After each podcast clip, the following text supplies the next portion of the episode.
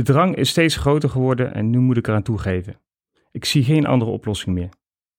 Natuurlijk passeerden er meerdere oplossingen de revue, maar de meeste daarvan waren niet aan mij besteed.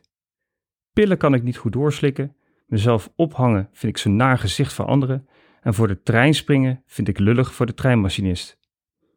Mijn aders zou ik kunnen doorsnijden, maar ik ben bang dat ik halverwege flauw val en levend gevonden word met een snijwond voor niets. Deze optie bleef over. Het fietsen hierheen ging nauwelijks.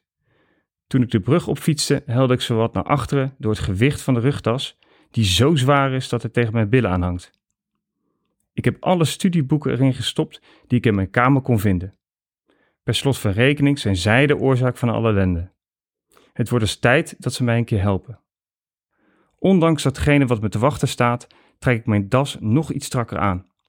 Het zal niet veel helpen. Koud krijg ik het toch wel. Ik pak de reling nog iets steviger vast en probeer hem omhoog te drukken. De rugtas zwijgt.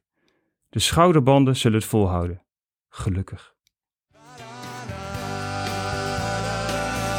In het Pestlab gaan ervaringsdeskundigen Rutger Verhoef en Jordi Welschen op onderzoek uit naar alles wat met pest te maken heeft. Maar vooral hoe je na pestverleden weer vol goede moed en positiviteit in het leven kunt staan. Als ik het schoolplein